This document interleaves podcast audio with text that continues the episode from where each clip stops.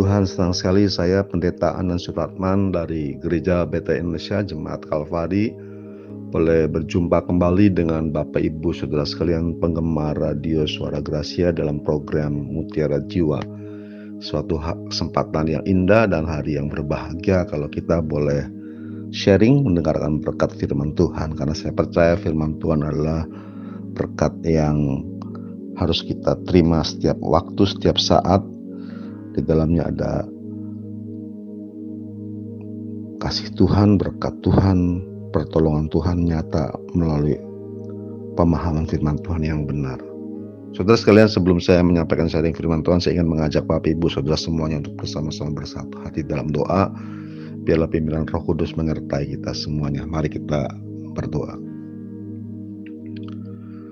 Bapa di surga di dalam nama Tuhan Yesus Kristus kami bersyukur dan berterima kasih untuk kasih karunia Tuhan dalam hidup kami penyertaan Tuhan dari waktu ke waktu, dari hari ke hari, dari minggu ke minggu, dari bulan ke bulan, bahkan dari tahun ke tahun boleh kami rasakan banyak tantangan dan pergumulan yang kami hadapi, tetapi kami bersyukur dan terima kasih bersama dengan Engkau kami boleh menyelesaikannya, boleh menuntaskan ataupun bahkan hari ini kami masih belum bisa menuntaskan masalah persoalan yang sedang kami hadapi, tapi satu hal kami punya keyakinan bahwa kami terus berharap kepada Engkau dan pada akhirnya kami akan mendapat pertolongan yang nyata, yang baik, yang tepat dari Engkau. Tuhan, tolong kami berikan kekuatan kepada kami semuanya. Kami juga rindu Tuhan untuk hari ini berkat firman Tuhan disampaikan bagi kami semuanya. Urapi hambamu, layakkan hambamu, sehingga apa yang disampaikan boleh menjadi berkat buat para pendengar program Mutiara Jiwa di mana mereka berada.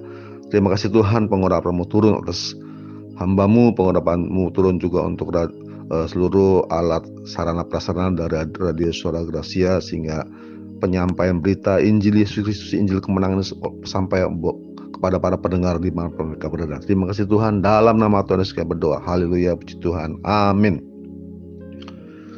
Puji Tuhan, puji Tuhan. Bapak Ibu Saudara sekalian pendengar program Mutiara Jiwa, sekali lagi di mana Anda berada, baik yang sedang berada di rumah ataupun yang mungkin sedang terbaring sakit ataupun yang mendengarkan program ini melalui uh, streaming di waktu-waktu mendatang ataupun mungkin saudara sedang mengemudi dan sedang um, panteng di Radio Suara Gracia saya menyampaikan shalom damai sejahtera penuh sukacita.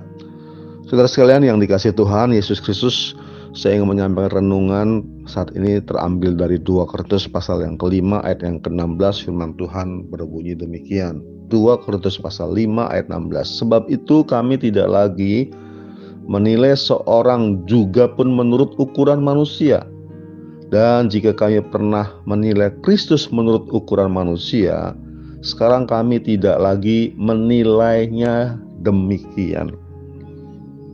Statement dalam 2 Korintus pasal 5 ayat 16 ini adalah satu statement yang diungkapkan, yang dinyatakan buah pikiran, pengakuan dari seorang yang bernama Paulus. Dalam 2 Korintus pasal 5 16 ini sedikitnya ada dua hal pernyataan statement yang disampaikan Paulus. Yang pertama bahwa Paulus sekarang tidak menilai seorang juga pun menurut ukuran manusia. Jadi cara pandang Paulus terhadap manusia terhadap sesamanya Kemudian yang kedua dia mengatakan dan jika kami pernah menilai Kristus menurut ukuran manusia, cara pandang Paulus melihat Yesus, perspektif Paulus terhadap Yesus.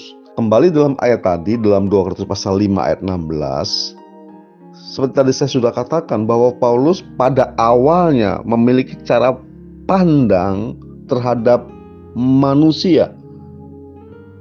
Sebab itu kami tidak lagi menilai seorang juga pun menurut ukuran manusia. Cara pandang yang dia lakukan adalah terhadap seseorang terhadap siapa pun juga sesamanya berdasarkan ukuran manusia. Apa yang dimaksud ukuran manusia ini, saudara sekalian? Manusia memiliki satu ukuran atau suatu standar yang dibentuk dari keluarga, standar norma-norma secara universal, standar norma-norma secara kemasyarakatan saudara sekalian ya seperti ya kamu saya baik terhadap orang yang baik saya jahat terhadap orang yang jahat.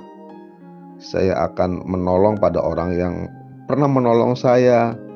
Saya peduli sama orang yang mempedulikan saya. Istilahnya ada hukum timbal balik itu sebuah standar secara universal. Itu ukuran-ukuran manusia mengukur terhadap cara menolong, cara memperhatikan. Ya saya bisa menolong kamu karena kamu memang sudah pernah menolong saya. Ya maaf ya saya nggak bisa menolong kamu selama ini kamu nggak pernah peduli sama saya itu ukuran manusia sudah standarnya secara manusia universal demikian saudara sekalian nah demikian pula secara pandangan-pandangan secara umum manusia punya pandangan-pandangan perspektif berdasarkan dirinya sendiri caranya dia dibesarkan dalam keluarga itulah yang diukurkan terhadap manusia terhadap sesamanya saudara sekalian cara dia makan, ya dia mengukur terhadap orang lain. Jadi itulah ukuran-ukuran yang pernah dilakukan oleh Paulus terhadap sesamanya, ukuran-ukuran manusia yang digunakan oleh Paulus dalam lingkungan pada waktu itu. Ya, dalam masyarakat agama Paulus di mana dia sebagai seorang tokoh agama, ya dia memandang tokoh-tokoh agama pada masa itu adalah sebuah tokoh-tokoh yang luar biasa dan agama waktu itu yang dianutnya sebagai agama agama yang menurut dia adalah agama yang membawa dia kepada satu jalan kebenaran saudara itu jadi awal titik awalnya demikian. Nah kemudian dilanjutkan berikutnya dan jika kalian pernah menilai Kristus nah ukuran yang diukurkan terhadap konsep manusia itu standar manusia itu juga pernah Paulus ukurkan terhadap Kristus. Apa yang diukurkan konsep manusia terhadap Kristus, saudara sekalian? Paulus pernah memandang, pernah memikir bahwa Yesus adalah manusia biasa. Manusia dari mana dia ini? Ya, dia adalah seorang anak tukang kayu, istilahnya demikian. Latar belakang kenabiannya seolah-olah tidak jelas. Latar belakang kenabiannya seolah-olah tidak mumpuni saudara sekalian. Karena apa? Karena analisa-analisa Paulus berdasarkan teks-teks yang dia baca, buku-buku yang dia baca, literatur-literatur yang dia baca, istilahnya sekarang literasi yang dia miliki itu memandang bahwa sosok Yesus tidak klop tidak cocok, tidak match dengan literasi, dengan buku literatur yang dia baca tentang sosok Mesias yang akan datang itu. Tentang sosok Mesias sebagai juru selamat umat manusia ini. Itulah ukuran yang Paulus ukurkan terhadap diri Yesus Kristus. Sudah sekarang ini literasi istilahnya eh, sangat penting, saudara. Dan mungkin analisa kasar saya, literasi manusia saat ini mendominasi literasi informasi yang dia terima berdasarkan ayat-ayat, maaf kata berdasarkan dari YouTube-YouTube, dari channel-channel media sosial yang mudah diakses di HP mereka masing-masing. Yang mudah diakses dari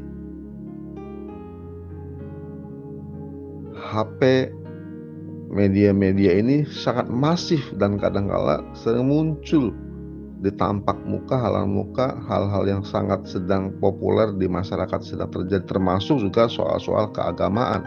Saudara Satu sisi bagus orang menerima akses ini, tapi sisi lain juga kalau orang tidak memiliki basis pengetahuan yang tepat orang bisa dipusingkan karena literasi-literasi ini akan sangat limpah dengan berbagai cara pandang, dengan berbagai cara orang menyampaikan, berbagai dengan termasuk berbagai cara motif ekonomi, sosial dan politik saudara. Sedangkan kita perlu diperkaya dengan literasi bukan saja dari YouTube yang paling memudahkan, tapi kita bisa yang kadang kala juga kita tidak tahu ini sumbernya apakah bisa dipertanggungjawabkan dibandingkan dengan literasi-literasi dari buku-buku yang ada secara fisik yang bisa kita uh, merujuk kepada kebenaran siapa penulisnya, siapa penerbitnya. Ya, literasi ini sangat penting saudara sekalian karena literasi akan mempengaruhi cara kita berpikir. Nah, kembali lagi tentang perspektif yang Paulus ungkapkan dalam 2 Korintus pasal 5 tadi, saudara. Paulus dia pernah memikirkan demikian apakah benar Yesus ini Mesias kenabiannya di uh, diragukan kemesiasan diragukan karena apa karena literasi cara pandang Paulus terhadap Yesus berdasar ukuran manusia pengetahuan yang dia miliki. Saudara kalau berdasarkan arti kata perspektif perspektif kata perspektif berasal dari bahasa Latin yakni perspicere yang berarti gambar, melihat pandangan. Berdasarkan terminologinya, perspektif adalah sebuah sudut pandang untuk memahami atau memaknai permasalahan tertentu. Jadi,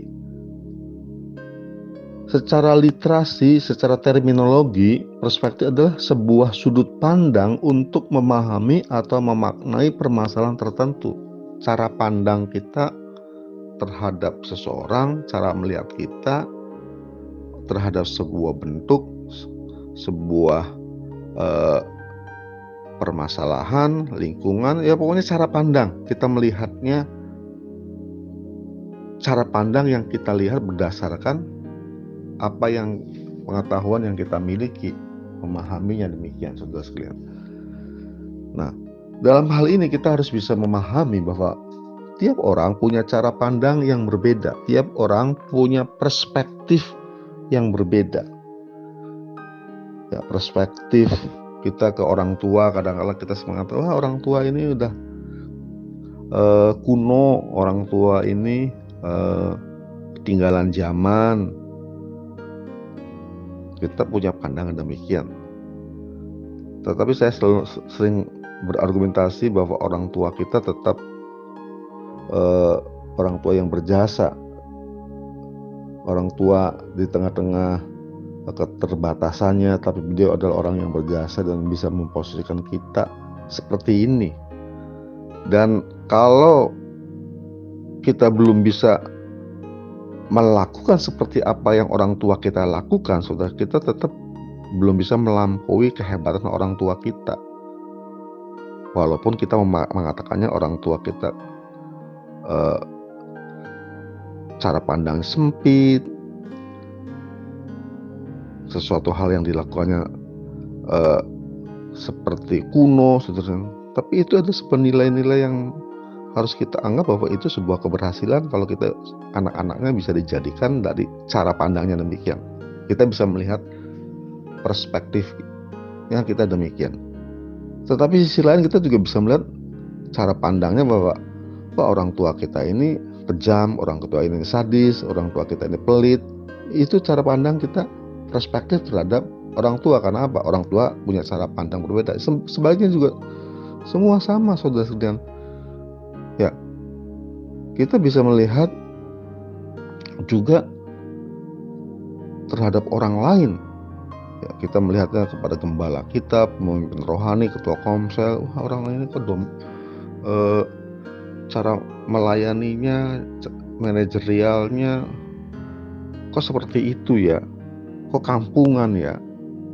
Ya itu hak-hak sah-sah kenapa setiap orang punya cara pandang berdasarkan perspektif dia literasi yang dia miliki dan dia terapkan terhadap orang lain saudara sekalian.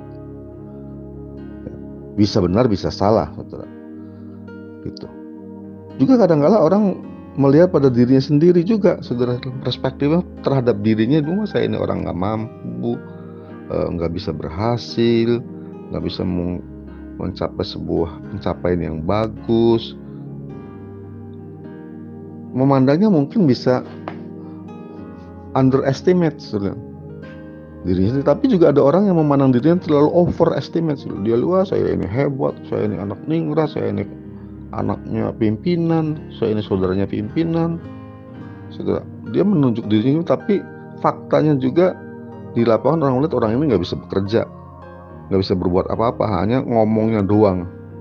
Tapi itulah yang dimaksud dengan perspektif terhadap diri kita sendiri pun demikian. Nah, saudara sekalian yang dikasih Tuhan Yesus, penggemar program Radio Suara Gracia, khususnya Mutiara Jiwa di mana Anda berada, kita akan melihat sekarang mengkorelasikan diri kita ini dengan firman Tuhan ini dengan diri kita masing-masing. Bagaimana perspektif kita terhadap sesama, terhadap diri sendiri, terhadap Kristus itu paling tinggi. Ya, saudara sekalian.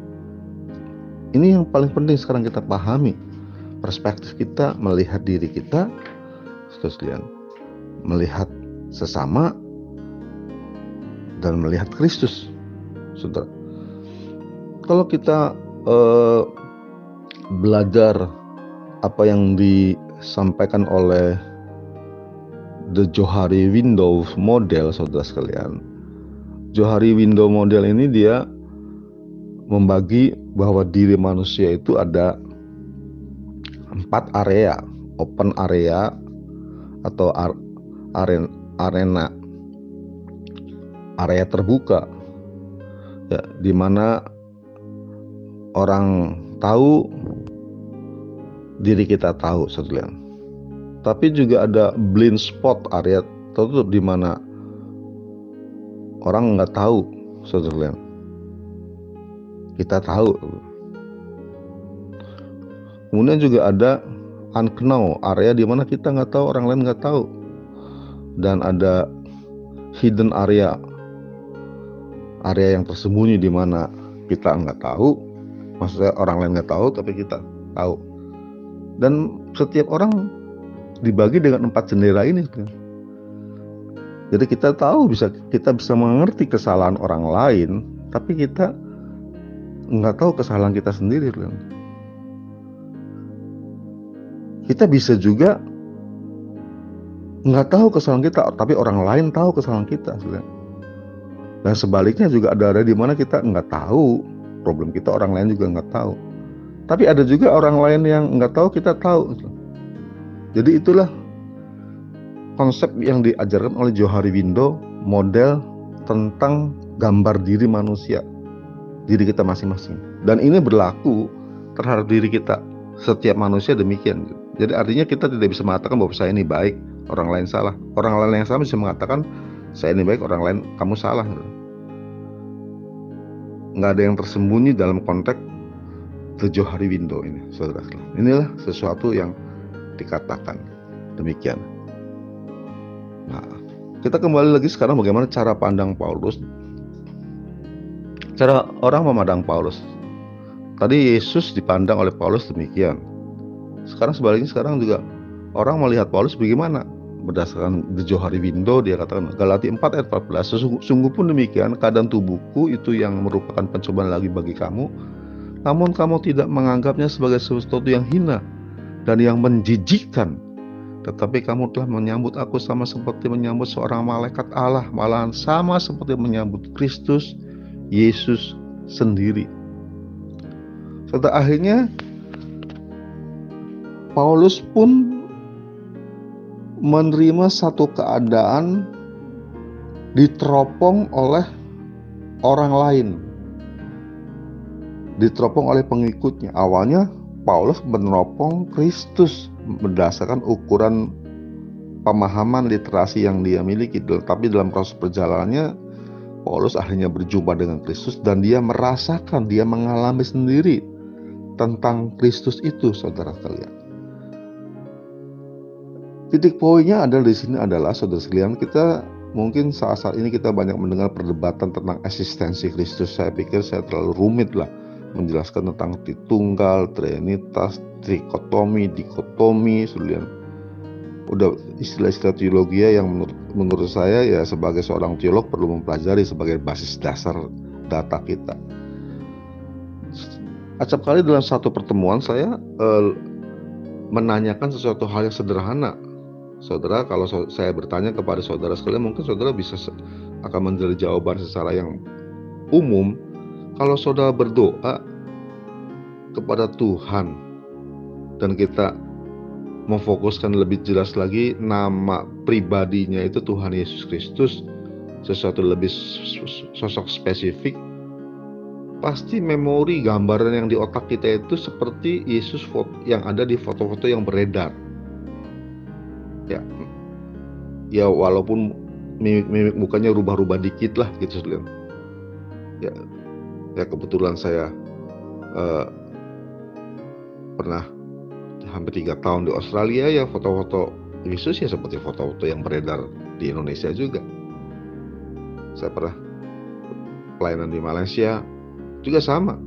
Ketemu sama orang-orang di Singapura juga ya foto-foto Yesusnya ya foto-foto yang beredar seperti yang kita lihat. Termasuk di Timor Leste juga demikian. Jadi secara umum, secara awam waktu umat Tuhan, jemaat Tuhan berdoa, ya fokusnya kepada Yesus seperti yang digambarkan dalam foto-foto itu. Dan kita mengakui menyadari bahwa itu adalah Kristus.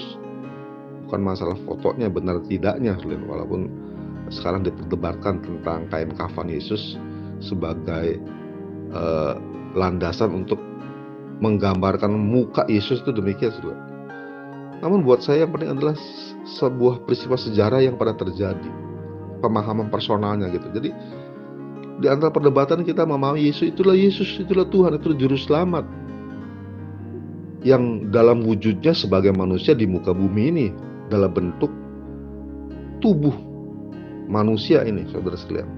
Saya meyakini itu sebagai sosok Tuhan dalam segi menggunakan tubuh kemanusiaannya ya kalau Tuhan tidak menggunakan tubuh kemanusiaannya tentu ya tidak bisa melakukan proses ritual-ritual yang dijalani sebagai karena misinya adalah untuk uh, sebagai korban penghapus dosa saudara sekalian.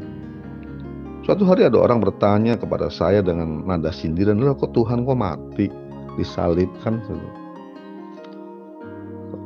Sebenarnya yang waktu disalibkan yang mati itu bukan bukan Tuhan ya tapi tubuh, Yesus secara kemanusiaannya. Karena Yesus menggunakan tubuh manusia untuk melakukan proses ritual. Saya menggunakan bahasa untuk keselamatannya. Jadi sederhananya saya hanya mengatakan demikian. Nah, udah, Yesus itulah Tuhan, juru selamat. Sebagai dasar kristologinya demikian. Setelah. Nah, setelah itu selanjutnya adalah proses mengalaminya itu, berjumpa dengan Kristusnya itu. Setelah ya, pengalaman berjumpa Yesus dengan dasar ini kita mengalami kebaikan Yesus, kita merasakan pertolongan Tuhan, kita merasakan mujizatnya, dan itulah yang harus kita tuangkan, rasakan, sebarkan, ceritakan tentang Yesus yang mengampuni dosa saya, Yesus yang memberikan kelegaan, Yesus yang memberikan jalan keluar, Yesus juga yang membuka jalan usaha, Yesus juga yang mulai mengubah karakter kita yang jelek menjadi lebih baik lagi dalam prosesnya sampai pada kesempurnaan untuk menuju sampai menuju ke kekekalan itu sebuah proses yang terus berjalan dan itu yang harus lebih saya lebih penting dibanding dengan perdebatan-perdebatan teologis yang kadang-kala menguntungkan satu pihak tertentu saja dalam konteks bisnis saudara sekalian. Jadi Paulus dia pernah mengalami perjumpaan dengan Kristus. Ini yang paling penting. Ini yang paling utama saudara sekalian. Nah, karena Paulus telah mengalami perjumpaan dengan Kristus, maka dalam Galati pasal 4 ini Paulus dia merasakan juga sesungguhnya demikian keadaan tubuhku itu yang merupakan pencobaan bagi kamu, namun kamu tidak menganggapnya sebagai sesuatu yang hina dan yang menjijikan. Tapi kamu telah menyambut aku sama seperti menyambut seorang malaikat Allah. Malahan sama seperti menyambut Kristus Yesus. Saudara sekalian, Paulus dia merasakan juga dinilai, dipandang oleh orang lain. Paulus menyatakan sendiri tubuhku ini menjijikan. Ya beberapa ahli kitab menuliskan bahwa Paulus punya problem di mata sehingga Galatia pasal 6 ayat 11 dia menuliskan lihatlah Bagaimana besarnya huruf-huruf yang kutulis kepadamu dengan tanganku sendiri. Lihatlah dikatakan. bagaimana besarnya huruf-huruf yang kutulis kepadamu dengan tanganku sendiri. Ini pernyataan dari Paulus dalam Galatia pasal 6 ayat 11 dan ahli kita mengatakan bahwa Paulus ini mengalami problem mata yang sangat sangat sangat sangat parah karena dia harus menulis, membaca dan karena dia banyak di penjara sehingga ruangannya terbatas cahayanya sehingga retinanya terlalu banyak digunakan sehingga mengakibatkan kalau dalam kurun waktu tertentu matanya ini mengeluarkan cairan-cairan lah gitu. Sehingga orang mengatakan oh melihatnya itu jijik lah gitu makanya tadi di dalam Galatia pasal 4 ayat 14 dikatakan sungguh pun demikian akan tubuhku itu yang merupakan pencobaan bagi kamu namun kamu tidak menganggapnya sebagai suatu yang hina dan yang menjijikan ya, orang bisa mengatakan itu perspektif lu Paulus Lu bisa menyembuhkan orang, mendoakan orang, menolong orang, memberitakan firman Tuhan yang ajaib. Tapi lu sendiri bagaimana tuh keadaan tubuhmu kayak gitu? Menjijikan. Mungkin orang menjadi tersandung. Kok hamba Tuhan kok kayak gitu ya? Kok hamba Tuhan kok tidak menerima pertolongan daripada Tuhan? Orang bisa memandang demikian perspektif loh sekarang. Orang orang punya perspektif yang berbeda. Sudah saya eh,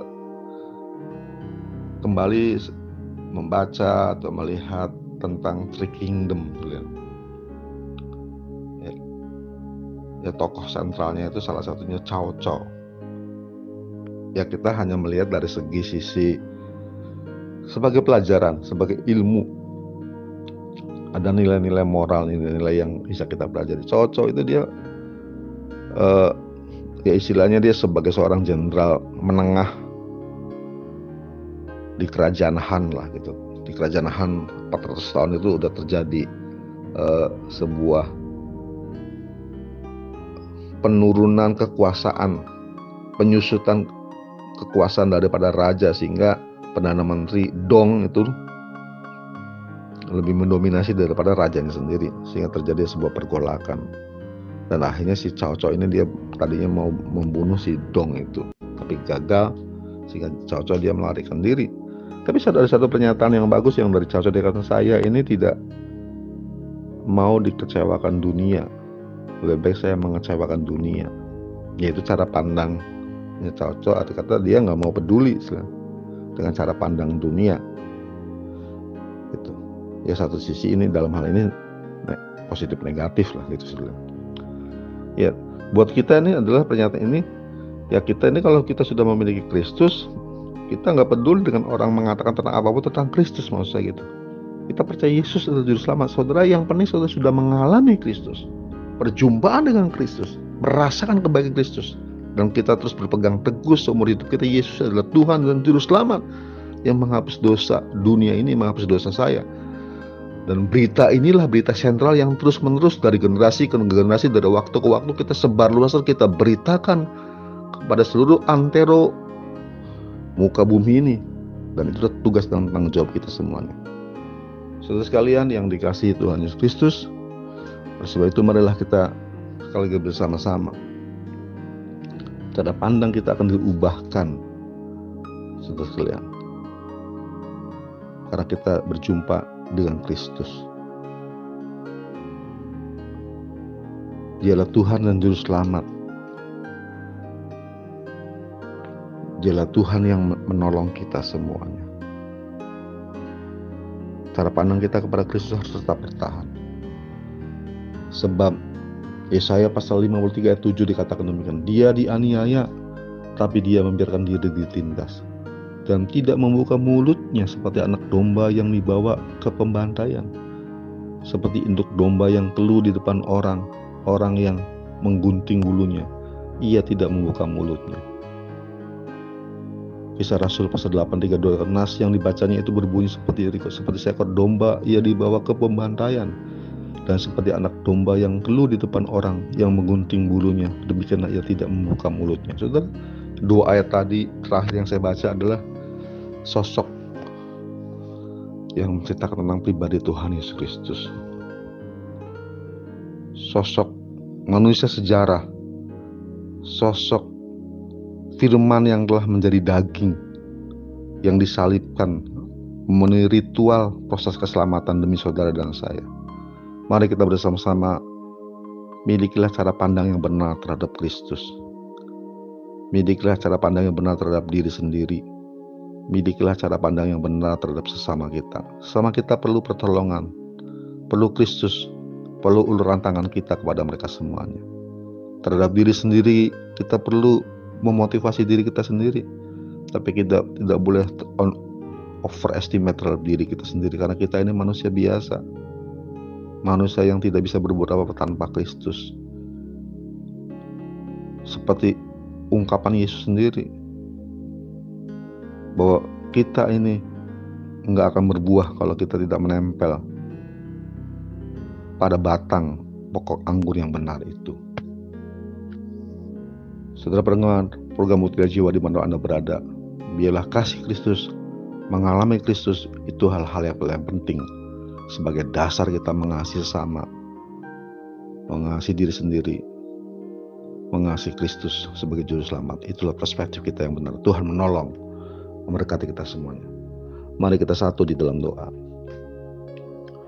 Bapa di surga, di dalam nama Tuhan Yesus Kristus kami bersyukur dan berterima kasih buat kasih dan anugerahmu yang boleh mendengarkan sharing berita firman Tuhan. Hamba berdoa sekali lagi buat para pendengar program Mutiara Jiwa di mana pun mereka berada.